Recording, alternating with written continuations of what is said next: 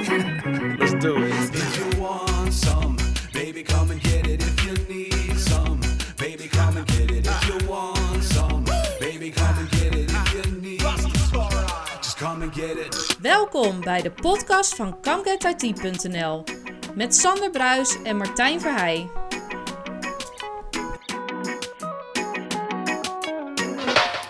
Aflevering eh, 22 alweer. 22. Met, eh, ja, 22 gaat hard, Sander. Tja.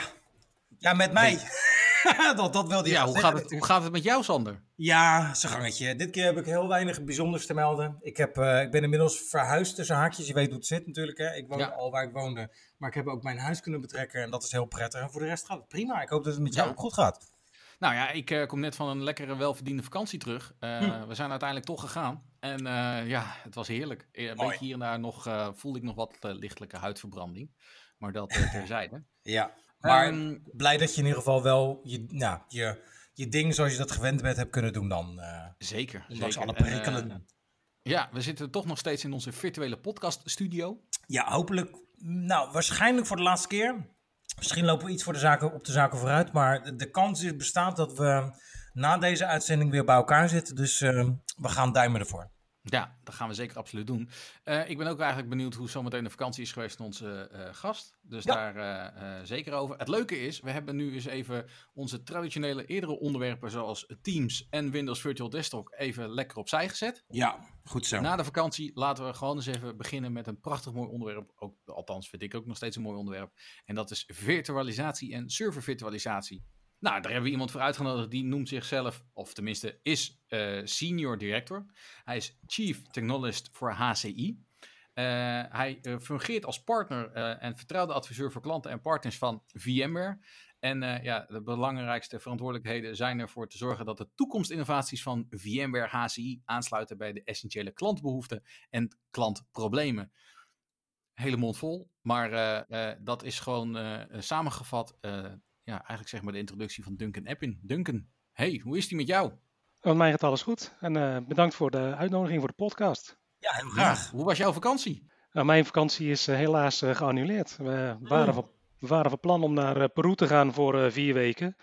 Maar ja, met, eh, met het hele corona-verhaal en het, eh, het feit dat helaas in eh, Zuid-Amerika ja, eigenlijk de cijfers alleen maar omhoog gaan en het daar niet minder lijkt te worden, eh, ja, waren we genoodzaakt om de vakantie te annuleren.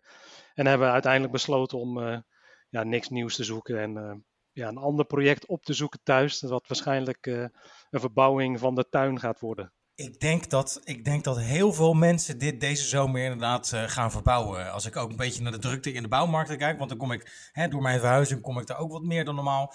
Daar is het afgeladen. Dus ik denk niet dat je de enige bent, Duncan. Nee, klopt. Maar ik, in dit geval is het een eh, dusdanige grote klus dat ik denk dat ik het iemand, iemand gaat laten doen in plaats van dat ik daar Oh, zelf eh, veel tijd en moeite in gaat steken. Het is, het is net te veel om het zelf te doen en er moeten bomen gerooid worden. Nou ja, noem het maar op, afgegraven. Ja, het is te veel werk, zeg maar, voor mijzelf. Ja, San, of, eh, eh, Duncan. Eh, eigenlijk, we hebben het over VMware. En eh, wij, wij zeiden het zelf al, hè? Windows Virtual Desktop, Teams. Dat zijn nu platformen die de afgelopen tijd natuurlijk heel erg actueel zijn eh, eh, geweest. Maar voor mij is natuurlijk, eh, ik ben begonnen met VMware als eh, eindgebruiker met eh, VMware Workstation. Uiteindelijk kennis gemaakt vanaf ESX 2.5. ehm, naar eh, de hogere niveaus van VMware als een server cloud product. Dat is het nog steeds, maar inmiddels is ook niet meer VMware het volledige, nou wat zal ik zeggen, ESX-platform met vCenter. Nee, ik denk inderdaad, eh, als je het vergelijkt met wat we destijds hadden, rond, de rond de 2.5 releases of, of daarvoor nog. En zelfs daarna, ik denk dat je zelfs kunt zeggen dat op het moment dat we virtual infrastructure uitbrachten met eh, 3.0 en, en 3.5 en alles wat er achteraan kwam, ja, dat het eigenlijk een redelijke basisoplossing was. eh, uiter- uitermate geschikt voor, eh, voor datacenter virtualisatie, maar niet echt bedoeld voor iets anders. Uit- uiteraard zijn we op, op dat moment wel gaan kijken naar de andere oplossingen. Wat kon je nog meer virtualiseren? En ja, je gaf het net eigenlijk zelf al aan. Eh, de virtuele desktop is iets eh, waar VMware natuurlijk ook eh, heel druk mee bezig is geweest.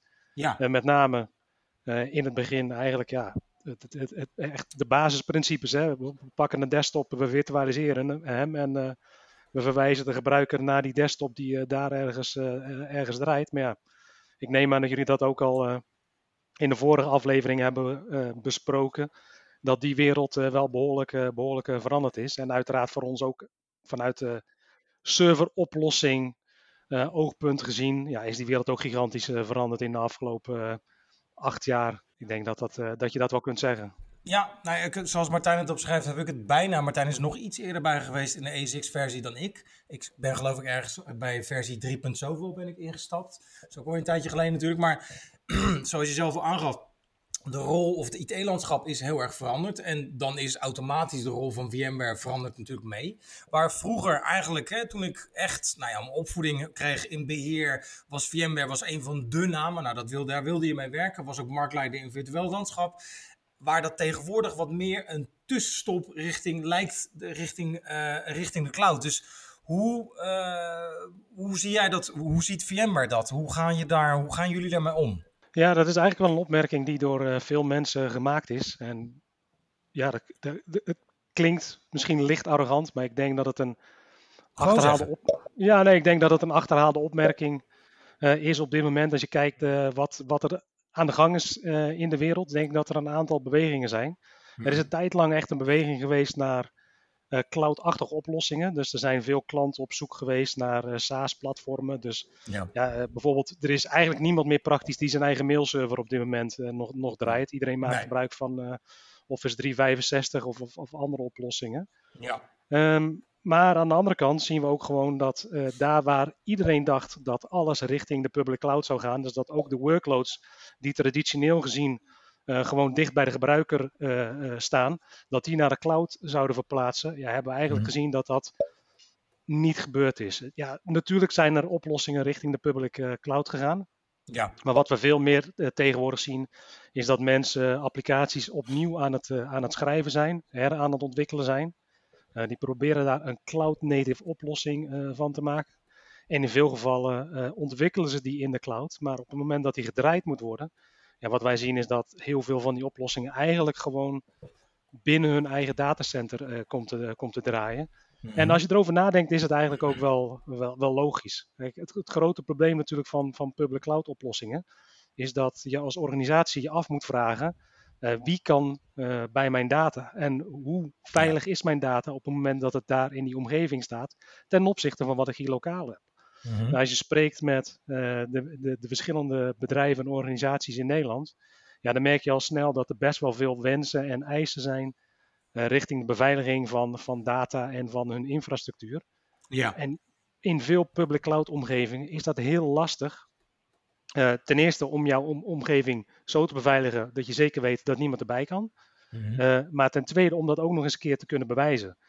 En ten derde, wat we daarnaast uh, dan ook nog eens een keer zien, dat op het moment dat je dat doet, ja, dan zitten daar dusdanig hoge kosten aan verbonden, in veel gevallen, dat het voor veel mensen nu blijkt dat heel veel workloads ja, eigenlijk goedkoper zijn om lokaal te draaien dan, dan om ze in de public cloud te draaien. Dus ja, wat wij eigenlijk gezien hebben is dat mensen veelal bezig zijn op dit moment met een hybride oplossing te bouwen.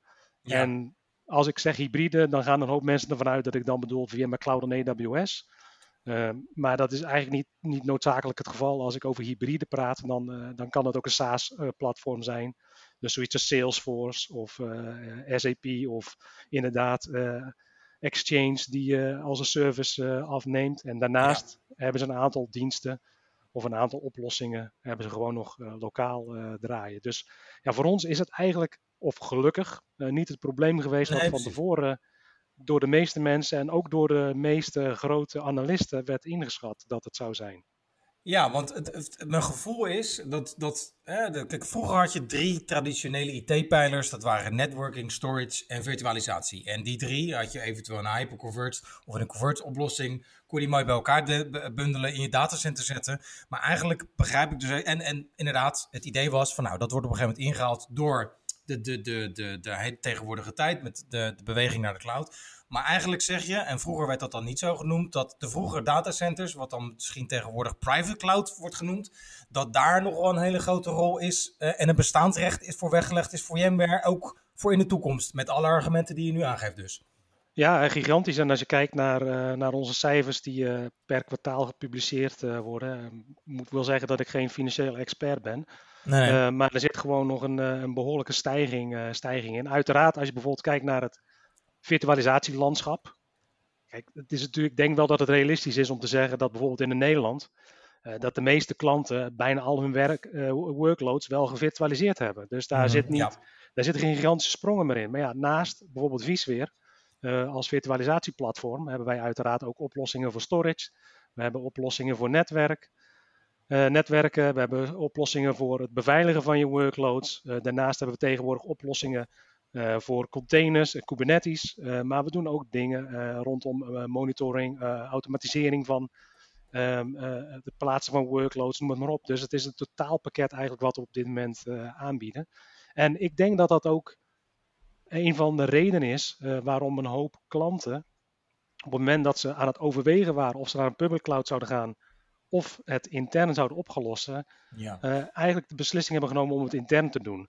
Nou, de laatste jaren zijn er zoveel verschillende tools bijgekomen en, en nieuwe mechanieken die ervoor ja, eigenlijk- voor gezorgd hebben dat eh, de meeste klanten het ja, tegen de ongeveer dezelfde kosten of misschien goedkoper eh, zelf kunnen doen, lokaal. En daarbij als voordeel hebben dat ze inderdaad weten waar hun data draait, wie bij hun data eh, kan. En eh, ja, ook nog eens een keer eh, zelf eh, diensten kunnen aanbieden wanneer dat no- nodig is aan de business. Want dat is natuurlijk wel een van de, van de zaken die erbij komt kijken. Het is natuurlijk schitterend dat je in een AWS of Azure kan draaien. Eh, maar op het moment dat, je, dat, dat jouw klant, in, jouw interne klant, om iets vraagt. Ja, en dat is niet beschikbaar bij AWS of, of, of, of Azure of eh, Google. En je moet het zelf gaan ontwikkelen. Dan moet je dat ook weer ergens draaien. Moet je misschien weer integratie gaan bouwen. Ja, dan, dan had je het net zo goed op dat moment al lokaal kunnen draaien. Dus dat, Ja. eh, Precies, nee, maar is dat ook niet uiteindelijk het, dan stiekem het mooie ook om innovatief te blijven en jezelf ook, nou ja, niet het te heruitvinden, maar wel gewoon de, de, de on the money, zoals, de, zoals ze dat wil zeggen, te blijven. Dat je door concurrentie, doordat je dingen ziet veranderen, ook genoodzaakt bent om jezelf dus inderdaad weer goed te bekijken en nieuwe technieken uit te vinden. Heb je dat ook gemerkt binnen, binnen, binnen VMware?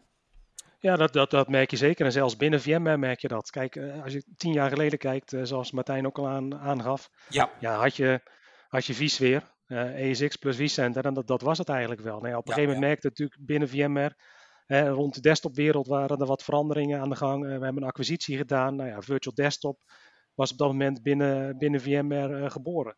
Nou, ja, op, het moment, op dat moment ga je toch rondkijken zelf als VMware zijn van ja, wat gaat er nog meer gebeuren in de wereld? En als je kijkt bijvoorbeeld eh vCen, dat is onze virtualisatie eh, eh, oplossing voor storage en virtual volumes. Ja, die, de, de ontwikkeling daarvan die is in 2008 of in 2009 gestart. Ja. De eerste release was in 2013. Dus ja, ook binnen een bedrijf als VMware houden wij natuurlijk constant in de gaten wat er binnen de markt gebeurt. En zul je daar op een gegeven moment zul je daar actie moeten op eh, ondernemen. En in sommige gevallen duurt het best wel relatief lang eh, voor wij als bedrijf zijnde, en niet, niet alleen al de, onze klanten, maar voordat wij als bedrijf zijnde daar eh, een return of investment van, van hebben. Want ja, als je vijf jaar bezig bent met het ontwikkelen en je, je beta-versie komt in 2013 uit, ja, voordat jij een significant aantal klanten hebt, ja, dan ben je al in 2017, 2018, voordat je je geld terug be- begint eh, te verdienen. En Ja. ja, dat geldt eigenlijk voor iedereen. En Ja, op het moment dat je een platform bouwt, zowel voor klanten als, eh, zowel als voor VMware eh, zelf, op het moment dat jij een platform bouwt dat ervoor zorgt dat je snel nieuwe diensten kunt ontwikkelen, ja, dan kun je ervoor zorgen dat je je concurrentie voor blijft. En ik denk dat dat vandaag de dag eigenlijk het allerbelangrijkste is voor, voor, voor al onze klanten en ja, uiteraard ook voor jullie klanten. ja. Maar ehm, begrijp ik dan ook goed dat toch VMware je ook deels helpt met een adoptie richting de cloud, eh, Duncan? Ja, ja zeker. We hebben zelfs een, ehm, een hele tak eh, binnen onze professional services eh, organisatie en binnen de salesorganisatie die zich richt voornamelijk op, het, op, op, op organisaties en bedrijven te helpen met die, ja, met die beweging richting, richting de cloud. Dat is ook een van de redenen bijvoorbeeld waarom Pivotal destijds is, is, is aangekocht. Een hoop is mensen denken dat... Sorry? Wat is Pivotal, als ik vraag mag? want Ik ken het niet. Ja, Pivotal Sorry? is, ja, is eigenlijk een, eh, een, een, van, van, van oudsher of van origine een, een bedrijf wat eh, oplossingen biedt voor ontwikkelaars. En een groot gedeelte daarvan bestaat uiteraard eh, uit containerachtige oplossingen en Kubernetes. Ah, Ja. Eh, maar daarnaast bijvoorbeeld is het Spring Framework, wat door heel veel ontwikkelaars eh, wordt gebruikt, ook iets wat Pivotal eh, heeft eh, ontwikkeld. En Pivotal is ooit al onderdeel geweest van VMware. Er is daarna een spin-out geweest. En die zijn Mhm. zelf verstandig verder gegaan en die zijn eh, eh, nou, niet al te lang geleden weer naar binnen gehaald om, eh, om ervoor te zorgen dat wij als bedrijf zijnde niet alleen die infrastructuurlaag kunnen, kunnen bieden, maar ook klanten kunnen helpen bij het ontwikkelen van applicaties. En daarbij moet je denken aan een ontwikkelingsframework, zoals inderdaad Spring. Maar bijvoorbeeld ook de infrastructuurlaag, zoals Kubernetes, eh, die daar bovenop ligt. Zodat eh, eh, klanten in ieder geval hun applicaties op een slimme manier kunnen gaan, kunnen, kunnen gaan, gaan maken en maar ook kunnen gaan, gaan beheren. Nou, als je dan kijkt naar wat wij aanbieden vandaag de dag hè, voor, voor Kubernetes. hopelijk heeft iedereen de aankondigingen gezien die in 2019 gedaan zijn tijdens VMworld rondom Kubernetes. Maar er is een heel portfolio ontwikkeld. En dat portfolio heet Tanzu. En Tanzu eh, is eigenlijk een, een, een, combinatie van x aantal producten eh, die ervoor zorgen dat klanten niet alleen bovenop eh, hun on-premises omgeving Kubernetes kunnen draaien en containers kunnen schedulen en containers kunnen provisionen, maar daarnaast bijvoorbeeld ook dat in een public cloud kunnen doen en zowel die public cloud als hun private cloud kunnen managen met exact dezelfde tools. En ja, ik, ik denk dat dat wel uniek is ten opzichte van wat andere bedrijven doen. Kijk, als je dat vergelijkt met een Google of met een AWS, ja, hun focus is natuurlijk met name op zoveel mogelijk klanten naar hun public cloud eh, Ja. eh, te krijgen. En onze focus is om ervoor te zorgen dat de klanten een oplossing hebben die voor hun werkt. En of Ja. dat nou VMware Cloud en AWS is, of het is een van de onze andere service providers, of het is volledig on-premises, of je wilt bijvoorbeeld on-prem draaien, VMware Cloud en AWS en AWS Native, ja, dat is, die keuze is aan de klant. Dat, eh, wat, wat voor hun werkt, werkt voor ons eh, uiteindelijk ook. En dat is ons grote doel. En ik hoor heel vaak je AWS noemen. Het, het even, is dat, dat weet ik echt even niet, is het dat hetgene waar eh, VMware mee gepartnerd heeft? Of is dat gewoon puur een voorbeeld wat je nu aanhaalt? Nee, eh, AWS, AWS is inderdaad ehm, een van onze grote, grote partners. Ja, voor, voor degenen die AWS niet kennen, eh, Amazon Web Services. Ja. Dus het is eigenlijk de IT-tak die, eh, die achter Amazon, Ja, ja. Amazon schuilt. En dat is een van de eerste grote partners waar wij mee hebben samengewerkt. Ja, hun hebben enorm veel datacenters wereld, wereldwijd. Als je kijkt waar zij wereldwijd zitten en vergelijkt dat met andere, andere public cloud vendoren, dan eh, ja, denk niet dat er iets is wat vergelijkbaar is op die, op die schaal. Daarnaast zijn ze de grootste public cloud eh, provider op dit moment. Mhm. En die hebben eh, een eigen oplossing waar je virtuele machines binnen kunt draaien. Maar daarnaast hebben ze bijvoorbeeld een bare metal service. Dus jij kunt bij hun gewoon fysieke service afnemen. Dus wat hebben wij gedaan? We hebben met hun samengezeten. We hebben naar hun API's gekeken, dus naar, naar hun automatiseringslaag. Mhm. En op basis van die automatiseringslaag hebben wij een oplossing geschreven eh, die ervoor zorgt dat klanten eh, in principe een, eh, een datacenter kunnen opbouwen, een VMware-gebaseerd datacenter binnen een AWS datacenter zelf. Dus Mhm. je hoeft geen hosts meer te hebben, je hoeft geen netwerken meer op te zetten.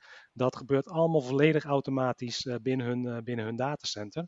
En dat wordt jouw eigen datacenter. Dus jij shared die resources. Er is, er is geen enkele deling van resources die, eh, die daar plaatsvindt. Je hebt echt een fysieke omgeving eh, die voor jou gebouwd wordt. Het netwerk wordt voor jou opgebouwd. Eh, de storage laag wordt voor jou opgebouwd. Uiteraard netwerk is NSX wat daar zit vanuit de virtualisatie oogpunt. Dus dat is onze oplossing. Ja. Voor storage wordt vSAN gebruikt. Dat is natuurlijk ook onze oplossing. Ja. En dan wordt vSphere gebruikt als hypervisor. Maar de hosts die daaronder liggen, dus het serverplatform, ja, dat is het AWS-platform. En het, Ja, ja, ja. het, mooie, het mooie van deze oplossing vind ik persoonlijk, als je naar deze oplossing kijkt, is eh, op het moment dat jij eh, bijvoorbeeld in, in een situatie terechtkomt eh, waar je een x aantal nieuwe virtuele machines moet, moet gaan plaatsen en je hebt die ruimte niet, dan kun je met simpelweg twee, drie keer klikken, kun je ervoor zorgen dat dat, dat cluster groter gemaakt wordt. Dus er worden gewoon additionele servers toegevoegd aan dat cluster op basis van wat er in dat eh, eh, datacenter beschikbaar is. En ja, die, die datacenters zijn enorm, dus die, ja, die kunnen ook gigantisch snel schalen. Ja. En normaal gesproken als klant moet je natuurlijk dat, dat, dat eh, aankoopproces ingaan. ja, zoals wij allemaal weten, dat aankoopproces duurt al snel zes tot acht weken, als het niet langer is, als er een goedkeuring moet komen. Nou ja, op het moment dat je bij, bij, bij AWS zo'n omgeving opzet en je zegt ik wil van acht hosts naar 12 gaan, ja, dan heb je binnen een uur heb je die vier additionele servers in jouw omgeving eh, draaien. En, en sterker nog, we hebben een eh, oplossing gebouwd eh, die ervoor zorgt dat op het moment dat je het aanzet, dat we automatisch op kunnen schalen. En ook weer je, je, je cluster kunnen verkleinen op het moment dat je de resources niet meer nodig hebt. Dus op het moment dat wij merken, hey, ze hebben meer resources nodig, kunnen we zelfs automatisch servers toevoegen en automatisch servers verwijderen op het moment dat dat nodig is. Dus ja, Ja. dat is iets wat je intern eigenlijk onmogelijk kunt eh, bouwen, tenzij je een, een platform hebt wat net zo groot is als wat AWS Ja, aanbiedt. Die schaal wordt moeilijk inderdaad waarschijnlijk om in je eigen datacenter te hosten. Maar de- je, je- dat is inderdaad de integratie met je partner. Maar voor, correct me if I'm wrong. eh, eventuele, eh, eh, hoe zeg je dat? Eh, nou ja, tooling voor Office 365, of hoe zeg je dat, voor Azure en andere eh cloud platformen is, zitten ook gewoon in VMware besloten, toch? Als ik het goed heb? Ja, uiteraard. En als je bijvoorbeeld ook naar Tanzu eh, kijkt, dus onze Kubernetes eh, containerized applications-achtige oplossing. eh, daar zorgen we ook voor dat je andere eh, clouds kunt eh, beheren als het op jouw container eh, workloads aan, aankomt. En als je bijvoorbeeld naar, dingen, naar zaken kijkt zoals vRealize, Automation, eh, uiteraard kun je daar vandaan ook gewoon provisionen naar andere oplossingen. Daarnaast moet ik ook zeggen, ik heb AWS een aantal, aantal keer genoemd. Uh, maar Azure biedt bijvoorbeeld ook gewoon uh, VMware resources uh, aan binnen hun datacenters. Het enige verschil met AWS is dat vanuit AWS gezien uh, wij echt heel nauw samenwerken en wij dat platform samen met AWS hebben gebouwd. Azure heeft een eigen platform gebouwd en bijvoorbeeld Google uh, bouwt op dit moment ook een eigen platform om VMware resources aan te kunnen bieden. En uh, het zegt eigenlijk wel iets. Hè? Je hebt de drie grootste private cloud oplossingen. En alle drie zijn nu uh, of gaan nu uh, resources aanbieden die op VMware uh, draaien. En dat heeft alles te maken met het feit dat de meeste klanten eigenlijk een omgeving op dezelfde manier willen beheren. Ze willen geen ja. dedicated team hebben voor AWS of een dedicated team voor Google Cloud of voor Azure. Dat, dat maakt het gewoon te lastig, want je hebt verschillende skillsets, je hebt verschillende tools nodig. Ja, op het moment dat je diezelfde toolset kan gebruiken en dezelfde skillset, kunt uh, gebruiken. Dus hopelijk ja, die operationele kosten omlaag kunt, kunt brengen. Ja. ja dan is, de, is dat een groot voordeel. Ja, en je hebt natuurlijk die VMware kennis, uh, VMware kennis al in huis. Ja, dus je hoeft precies. niet specifieke kennis voor een Azure of een Amazon Web Services uh, binnen te halen. Uh, want in wezen, je spit het platform zo op natuurlijk. Ja, precies. En het mooie ervan is, op het moment dat jij die, die, die public cloud offering gaat gebruiken, waar bijvoorbeeld VMware uh, al draait, en dat, we hebben een aantal klanten die dat doen, die draaien on-premises, die hebben VMware Cloud en AWS, en daarnaast gebruiken ze ook nog eens een keer de AWS Native Services. Dus die, uh, ja, die gebruiken uh, bijvoorbeeld uh, sommige database oplossingen die binnen AWS aanwezig zijn. Of ze gebruiken hun cloud storage oplossing S3. En het mooie ervan is, op het moment dat jouw VMware Cloud en AWS daarnaast zit, ja, is dat vanuit kostenoogpunt gezien heel, heel gunstig. Omdat je niet constant het datacenter in en uit gaat, maar je gaat van links naar rechts in plaats van binnen en naar buiten. Dus ja, ja, dat zijn natuurlijk ook redenen om, om over dat soort oplossingen na te denken. Eens, eh, maar het traditionele server uh, virtualisatie is inmiddels natuurlijk wel redelijk ingeburgerd bij heel veel bedrijven. Ik kom weinig echte fysieke servers nog tegen in het veld waar nog een OS op draait, wat uh, niet VMware is. Nee, um, daar was het product en is het product eigenlijk nog steeds heel sterk in. Maar inmiddels zouden we VMware eigenlijk alleen niet eens meer moeten kennen van het server virtualisatieplatform. Volgens mij, uh, je noemde net al een aantal producten, hè? AWS, vRealize.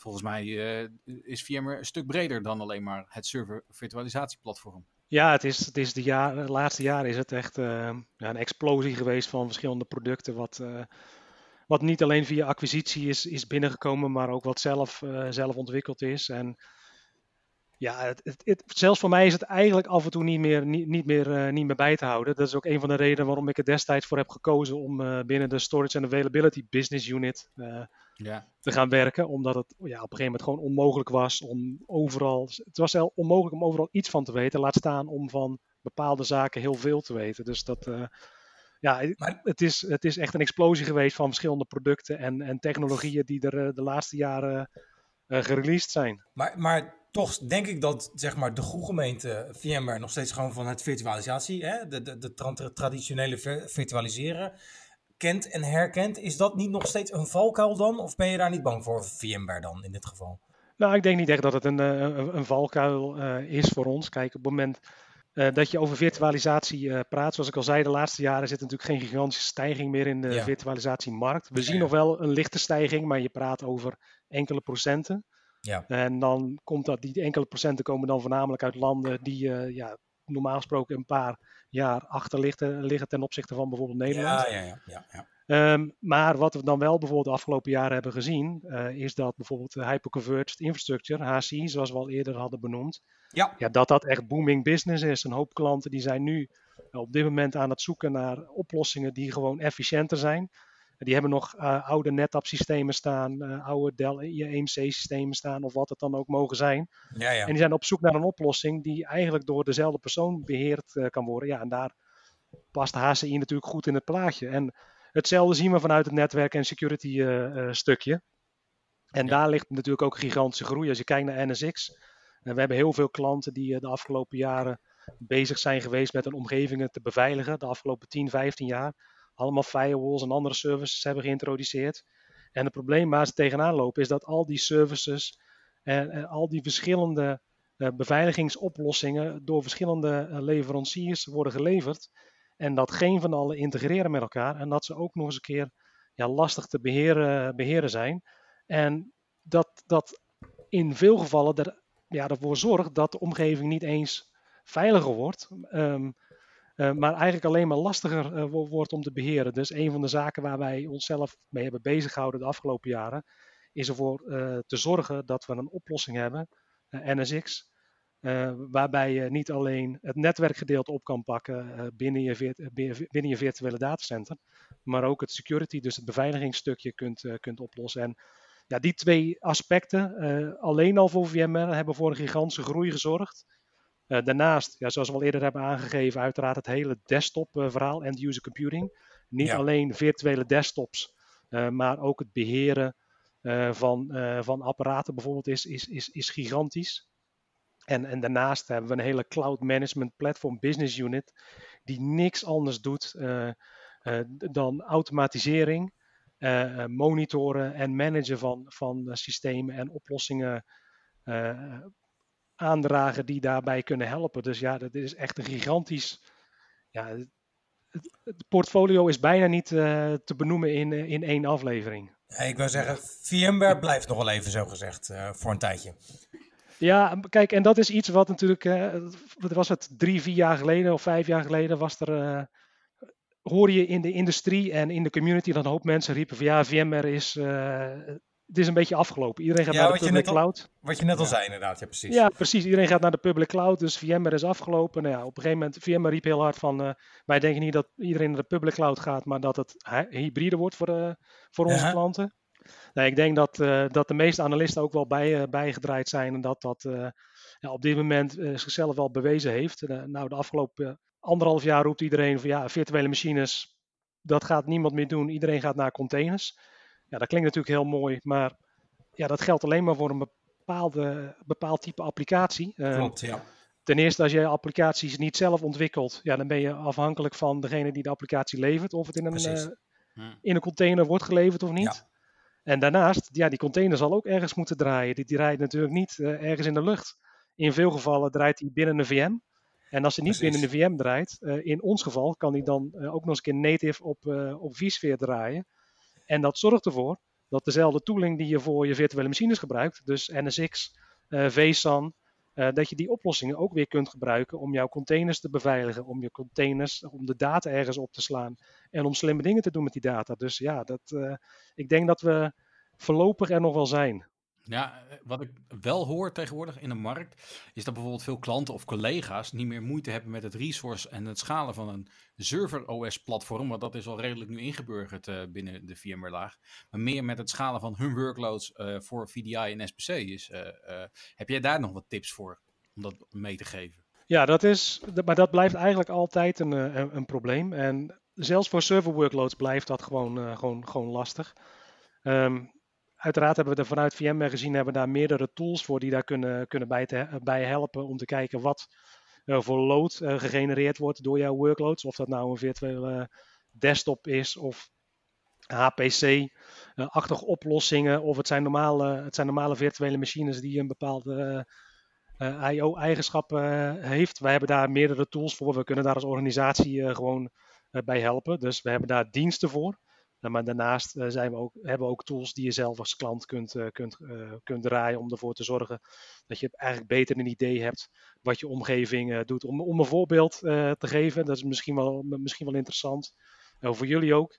vanuit FaceTime gezien, op het moment dat wij met een klant gaan praten en we vragen aan de klant van nou, hoe, ziet die workloads, hoe zien die workloads nou uit? Wat doen jullie workloads? En jullie zullen, jullie zullen waarschijnlijk hetzelfde probleem ja. hebben met klanten. En dan is het antwoord eigenlijk, eigenlijk altijd wat je krijgt, ja Um, ze genereren een hoop uh, IO's. Ja, dan vraag je van ja, wat, wat, hè, wat betekent dat een hoop? Is het duizend? Is het tienduizend? Is het een miljoen? En ja. als het een miljoen is, wat is de grootte van het blok? En uh, wat voor soort latency uh, wordt er verwacht? Ja, die vragen kunnen eigenlijk nooit, nooit beantwoord worden. Dus een van de dingen bijvoorbeeld die we nu aan het ontwikkelen zijn, is een, een platform en dat heet VMIO Insight. En VMIO Insight is al gereleased als een Fling, dus je kunt hem al downloaden bij, uh, bij VMware op de Flings website. Uh, maar dat, dat product, die oplossing, die gaat in onze uh, client ingebakken worden. Zodat je eigenlijk gewoon virtuele machines en workloads heel makkelijk kunt analyseren en een idee kunt krijgen. Ja, wat doen ze? En wat zou ik kunnen verbeteren in mijn omgeving om ervoor te zorgen dat die virtuele machines of die desktops of die containers beter, beter gaan draaien. Maar ik Ja. begrijp dat de tool, die is al sowieso te downloaden. En kan je dus bij wijze van spreken ook gewoon als beheerder zijnde eh, in je beheerorganisaties loslaten op jouw infrastructuur. En kijken wat, eh, wat, er, wat sowieso eens te kijken wat er, wat er, wat er plaatsvindt qua, nou ja, qua load enzovoort. Ja, dat klopt. Je kunt hem nu, eh, nu al gewoon downloaden vanaf onze eh Flinks website. Dus er is een, eh, is een website waar alle VM met tools op worden verzameld. Het enige wat ik daar wel bij moet vermelden, op het moment dat je die tools gebruikt, die Flinks, dat zijn ehm, eh, producten. Ja, ik, ik moet eigenlijk niet eens een product noemen. Het is eigenlijk een beta-product. Dus die worden niet officieel ondersteund door eh, onze supportafdeling. Dus op het moment dat je tegen een probleem aanloopt, dan zul je naar die Fling website toe moeten gaan. Dan zul je daar een comment achter moeten laten en dan zal de ontwikkelaar daar zelf op reageren. Meestal wordt daar vrij snel op gereageerd. Eh, maar dat betekent natuurlijk ook voor een hoop klanten en een hoop partners dat ze zeggen van ja, dat is leuk, maar stel je voor dat er iets gebeurt in mijn omgeving, wie gaat mij dan helpen? Dus Ja. dat is een van de redenen waarom we hebben gezegd, deze Fling wordt ja, do- door best wel veel klanten gebruikt op dit moment. En dat is ook een van de redenen waarom wij hebben gezegd, ja, we gaan ervoor zorgen dat die eh, in het product komt, zodat die officieel ondersteund kan, eh, kan worden in de toekomst. Ja, maar in ieder geval geen reden om niet te gaan spelen. Zeker. Alright. Zo is dat. Hey, je haalde al een aantal keren Visan aan. Ehm, ik heb nog steeds een beeldvorming, hè, eh, waarbij een ander product ook heel sterk is. Dat is gewoon traditionele storage op een server bij eh, eh, hè, gewoon disken of SSD's. Eh, een stukje eh, ja, bestands eh, ehm, eh, mogelijk maakt, bestandsdeling, bestandgebruik mogelijk maakt. Ehm, maar vroeger moest je daar nog specifieke kaarten voor hebben. Of kan je nu echt willekeurig een server kopen bij een, een serverleverancier, VMware op installeren, vSAN op configureren en het inzetten? Ehm, ja en nee. Wi- willekeurig is denk ik een, een, een heel breed, breed begrip. Dus Ja. willekeurig wil ik zeker niet, eh, niet zeggen. Eh, op dit moment, eh, op het moment dat je iets met VSAN zou willen doen, hebben wij een compatibility guide. Op het moment dat je naar die hardware compatibility guide toe gaat, dan kun je een aantal, aantal dingen doen. Er zijn eigenlijk drie opties. Ehm, je hebt een volledig geconfigureerde appliance, dat is Dell VX Rail. Die is vandaag de dag beschikbaar, maar dat, ja, die, zijn, die is eigenlijk maar beschikbaar in een x aantal smaken. Eh, op het moment dat je zegt van ja, ik wil geen Dell eh, draaien, maar ik heb liever HP of eh, Lenovo of Fujitsu of wat het dan ook mogen zijn, dan zou je kunnen kiezen voor een Ready Note configuratie. En die Ready Note configuratie, die is er in een, een behoorlijk aantal smaken. Eigenlijk zo'n beetje elk servermodel wat je kunt bedenken, daar is wel een Ready Note eh, configuratie voor bedacht. En die Ready Note configuratie is eigenlijk een combinatie van verschillende componenten van jouw server. Daarbij moet je denken aan de disk controller, eh, de flash devices en eventueel de schijven. En hopelijk geen schijven, maar andere flash devices als Hmm. ca- capaciteitslaag eh, die gebruikt worden. Die zijn allemaal gecertificeerd van tevoren door zowel VMware als de hardwareleverancier. Nou, ben je een van die klanten die zegt van ja, dat is allemaal leuk en aardig, maar ik wil echt mijn eigen service gaan bouwen. Dan hebben we ook daar een compatibility guide voor. Uh, in die compatibility guide staan alle losse componenten die je kunt gebruiken voor VSAN. En dan moet je denken, ja, het zijn geen honderden, maar het zijn letterlijk duizenden uh, componenten. Je kunt ook kiezen uit honderden verschillende disk controllers, uit duizenden verschillende flash devices voor de caching tier, duizenden verschillende devices voor de capaciteitslaag. dus ja, je kunt ze gek niet, niet, niet, bedenken of je kunt, het wel, je kunt het wel zelf bouwen of maken. Mijn voorkeur heeft het eigenlijk altijd om een ready node configuratie te kiezen omdat je er dan uh, zeker van bent dat je iets hebt wat gecertificeerd is. En op het moment dat je die Ready Note configuratie hebt gekozen en je hebt zoiets van ja, ik wil extra geheugen, of ik wil een andere CPU, of ik wil meer schijven, of ik wil meer flash, dan kun je aan de vendor vragen om die configuratie aan te passen. Dan blijft het ten alle tijde een Ready Note configuratie, dus hij is nog steeds gecertificeerd. Ja. En, en je bent er gewoon zeker van dat het in de toekomst ook nog gecertificeerd en ondersteund uh, zal worden. In ieder geval voor een x aantal jaren. Dat blijft natuurlijk niet tien jaar gecertificeerd, maar wel voor de, voor de voorlopige vier, vijf aantal jaren normale afschrijving van, uh, van serverapparatuur. Precies, ja, want je ziet nu echt wel een adoptie van uh, traditioneel server en networking naar meer storage en networking on-box uh, oplossingen, denk ik. Hè? Ja, dat is, dat is gigantisch. Als ik, als ik met, naar onze klanten kijk, en als je naar de markt kijkt, HCI in, in het algemeen, niet alleen voor VMware, maar vooral eigenlijk andere spelers, zoals Cisco, HP, Nutanix, noem het maar op. Um, dan denk ik dat voor iedereen die, die stijging uh, gigantisch is geweest. Voor ons het grote voordeel natuurlijk dat we een groot gedeelte van de hyperwijze uh, in, in, handen hebben. En ja, dat betekent ook dat we als hyperconverged ehm, uh, oplossing uh, een van de grotere, of op dit moment eigenlijk de grootste zijn. Meer dan 40% is in handen van, uh, van VMware op dit moment in de HCI-space. en ik geloof dat ja, de, de, de tweede rond de 26% zit op dit moment. Maar ja, de groei is enorm. En het is ook logisch. Kijk, zoals we al eerder aangeven, de oplossingen die op dit moment door klanten weggezet worden, en, dat, ja, dat zijn, worden steeds lastigere oplossingen om, om op een infrastructuur te plaatsen. Nou, dat betekent ja. ook op het moment dat je die gaat plaatsen, dat je dat in 9 van de 10 gevallen met hetzelfde aantal mensen moet doen. En dit is het gesprek wat ik eigenlijk met alle klanten altijd heb. Mm-hmm. Is, er komt een gigantische verandering aan voor jullie als die al niet geweest is. En jouw management gaat verwachten dat jij die oplossingen die in de toekomst geplaatst worden, en dat kunnen er misschien vijf, zes keer zoveel zijn als dat je nu draait, dat je die met hetzelfde aantal mensen gaat doen. Je ja. zult misschien meer resources nodig hebben, dus additionele servers. Je zult er een platform bovenop krijgen, zoals Kubernetes. Je moet een storage laag tegen Kubernetes aan laten praten. Je moet een netwerklaag en een security laag tegen Kubernetes aan laten praten. Maar ze gaan er wel vanuit dat je dat met hetzelfde aantal mensen doet. Op het moment dat jij als beheerder verantwoordelijk bent voor vSphere, je bent verantwoordelijk voor Windows, je bent verantwoordelijk voor Linux. Je moet, daarnaast moet je NetApp of Dell EMC moet je snappen. Je moet je backup oplossingen moet je begrijpen. Je moet eventueel iets met een cloud oplossing uh, doen. Ja, dan denk ik dat het heel belangrijk is dat je ervoor gaat zorgen dat je zoveel mogelijk van die infrastructuurcomponenten dat je die naar elkaar toe brengt. En een HCI-oplossing zoals wij aanbieden, en dan nou ja, met name oplossingen zoals VMware Cloud Foundation, waarbij je een SDDC, een Software Defined Data Center, uh, waar uh, uh, vSphere, vSAN en NSX in zit, als één blok weg kunt zetten, ja, dat maakt je leven een stuk makkelijker. Want je hoeft niet meer drie verschillende componenten los te beheren, maar je hebt één oplossing die je moet beheren. En het zorgt ervoor dat de traditionele systeembeheerder toch binnen bedrijven nog aanwezig kan blijven. Ook dat, precies. de arbeidsmarkt. Ja, ja nou dat is, dat, dat, is wel een goede opmerking. Ik, van de week sprak ik toevallig met een klant, uh, een, een, enorm grote klant in, uh, in Kuwait. En die, die zei eigenlijk hetzelfde. We hebben nu een uh, viertal, die hadden een viertal storage administrators die alle vier een specifiek storage systeem beheren. Mm -hmm. En die gaan volledig naar vSAN over. Die hebben NSX hebben ze al voor een groot gedeelte draaien. En die storage administrator had zoiets van, ja, maar wat ga ik dan straks doen? Ja, het is heel makkelijk. Jij gaat over naar het nieuwe platform. Dus jij gaat vSphere plus vSAN plus NSX beheren. En er zullen een aantal mensen moeten gaan kijken naar die ja, nieuwe oplossingen zoals Kubernetes en Docker en dat soort zaken. Daar zijn ook mensen voor nodig. Dus dat werk ja. verdwijnt niet. Het nee. is alleen ander werk. Duncan, even over jou. Uh, je bent actief nog steeds op uh, yellowbricks.com. Uh, misschien iets minder dan dat je in het verleden bent geweest, maar wel iets meer.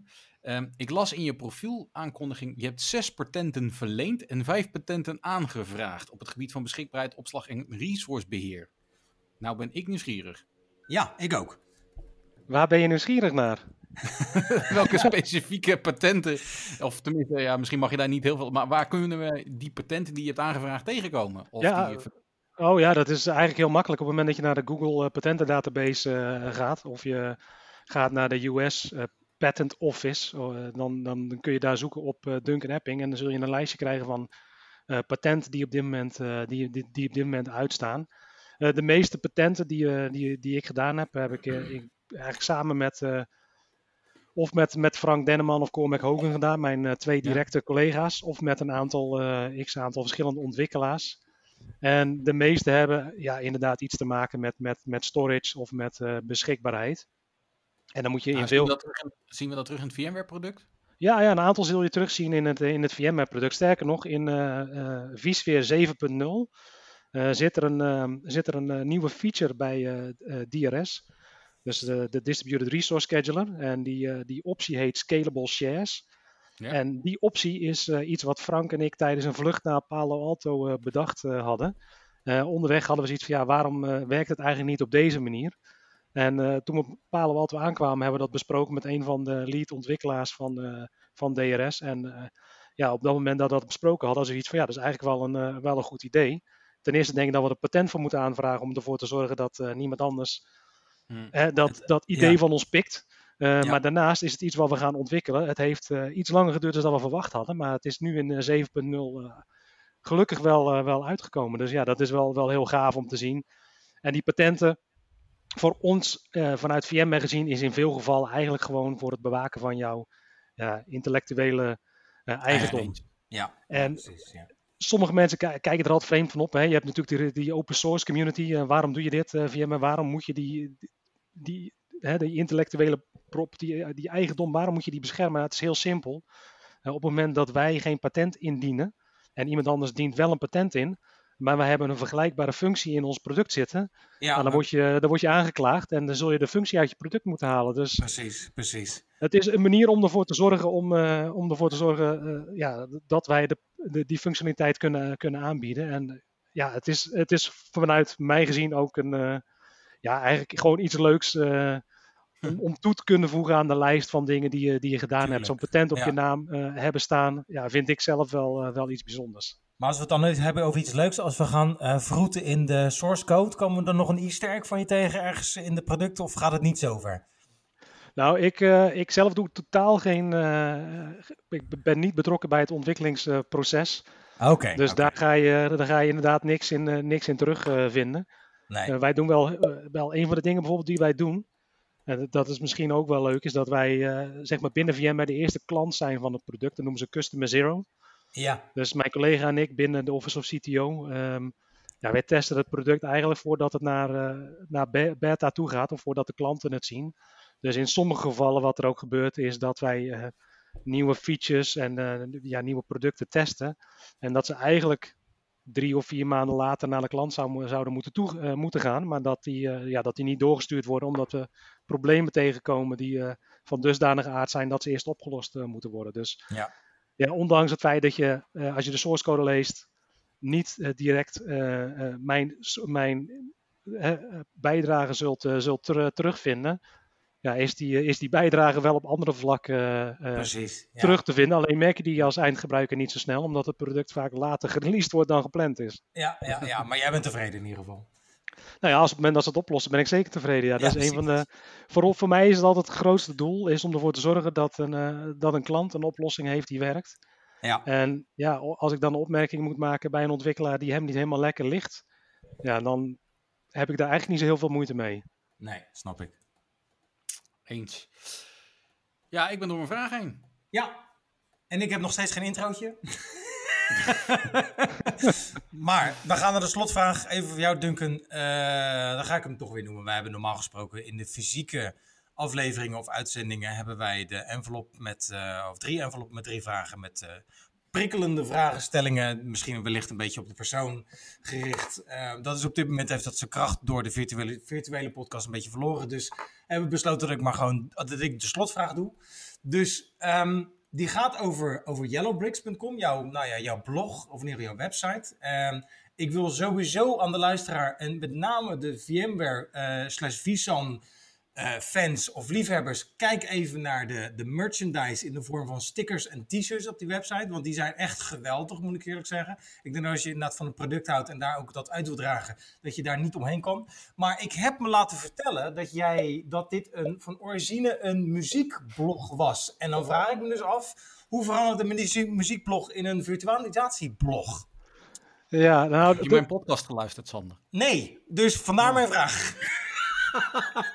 Ja, dat is ehm, niet, helemaal, eh, niet helemaal waar. De naam is Oh. wel gebaseerd. de- ik zal het uitleggen, want ik snap ook waar het vandaan eh, komt. Eh, de naam is gebaseerd op een nummer van de Arctic Monkeys, Old Yellow Bricks.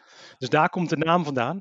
En voordat ik begon met bloggen over virtualisaties, vir- virtualisatie en ASICs eigenlijk in het, in, in het algemeen, of vSphere in het algemeen, was een van mijn voornaamste bezigheden in mijn vrije tijd was eh, het bloggen of het schrijven over eh, alternatieve muziek. En dan moet je denken aan hardcore punk, eh, de wat ruigere, ruigere muziek, trash metal, dat soort, dat soort We zaken. hebben- Daar heb ik mijn nou, eigen- Nee, we hebben, sorry hoor dat ik je onderwijs, maar we hebben in de tussentijd ook flink wat muziekstijlen inderdaad en verschillende, het loopt allemaal uit elkaar, maar sorry, ga verder. Ja, precies. Nou geweldig. ja, daar, daar heb ik me heel lang mee, eh, mee bezig gehouden. We, we denken een jaar of 10, eh 10 15. Eh, nou ja, op het moment dat ik daar eigenlijk ja, zo'n beetje alles in had gedaan wat ik, wat ik wilde doen, was ik op zoek naar iets anders. En op dat moment ging ik eh, vanuit mijn werk gezien steeds weer meer doen met VMware. Liep ik tegen problemen aan eh, ja, die ik zelf kon oplossen, maar nergens kon vinden op, op, op Google. Ja, dus ja. ja, op dat moment heb ik besloten om iets met een blog te gaan doen. Ik moest met een naam komen.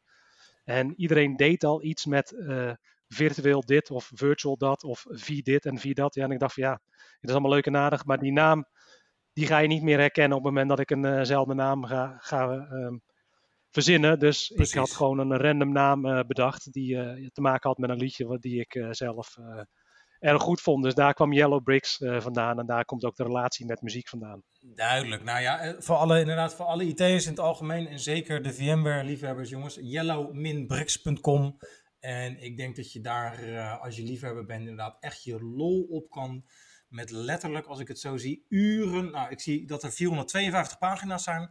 Dus dan kan je je lol even op. Dat kun je zeker. Ehm, ja, dan eh, wil ik hierbij onze podcast afronden. Ja. Ehm, dan wil ik eh, Duncan bedanken voor zijn bijdrage in deze podcast. Naast Zeker. yellowbricks min een streepje yellow-bricks.com waar het Duncan ben je nog meer te vinden. Ja, je kunt me uiteraard vinden op eh, Twitter onder eh, Duncan IB, Griekse IB. Eh, Duncan Yellow Bricks dus eh, afgekort. Oh ja, ja, uit- ja, ja. Uiteraard ben ik ook te vinden op eh, LinkedIn. Als je zoekt op Duncan Epping, dan kun je me terugvinden. Je kunt gewoon connecten. Ik accepteer in principe alle connecties die iets met IT te maken hebben. Dus dat is geen enkel probleem. Leuk.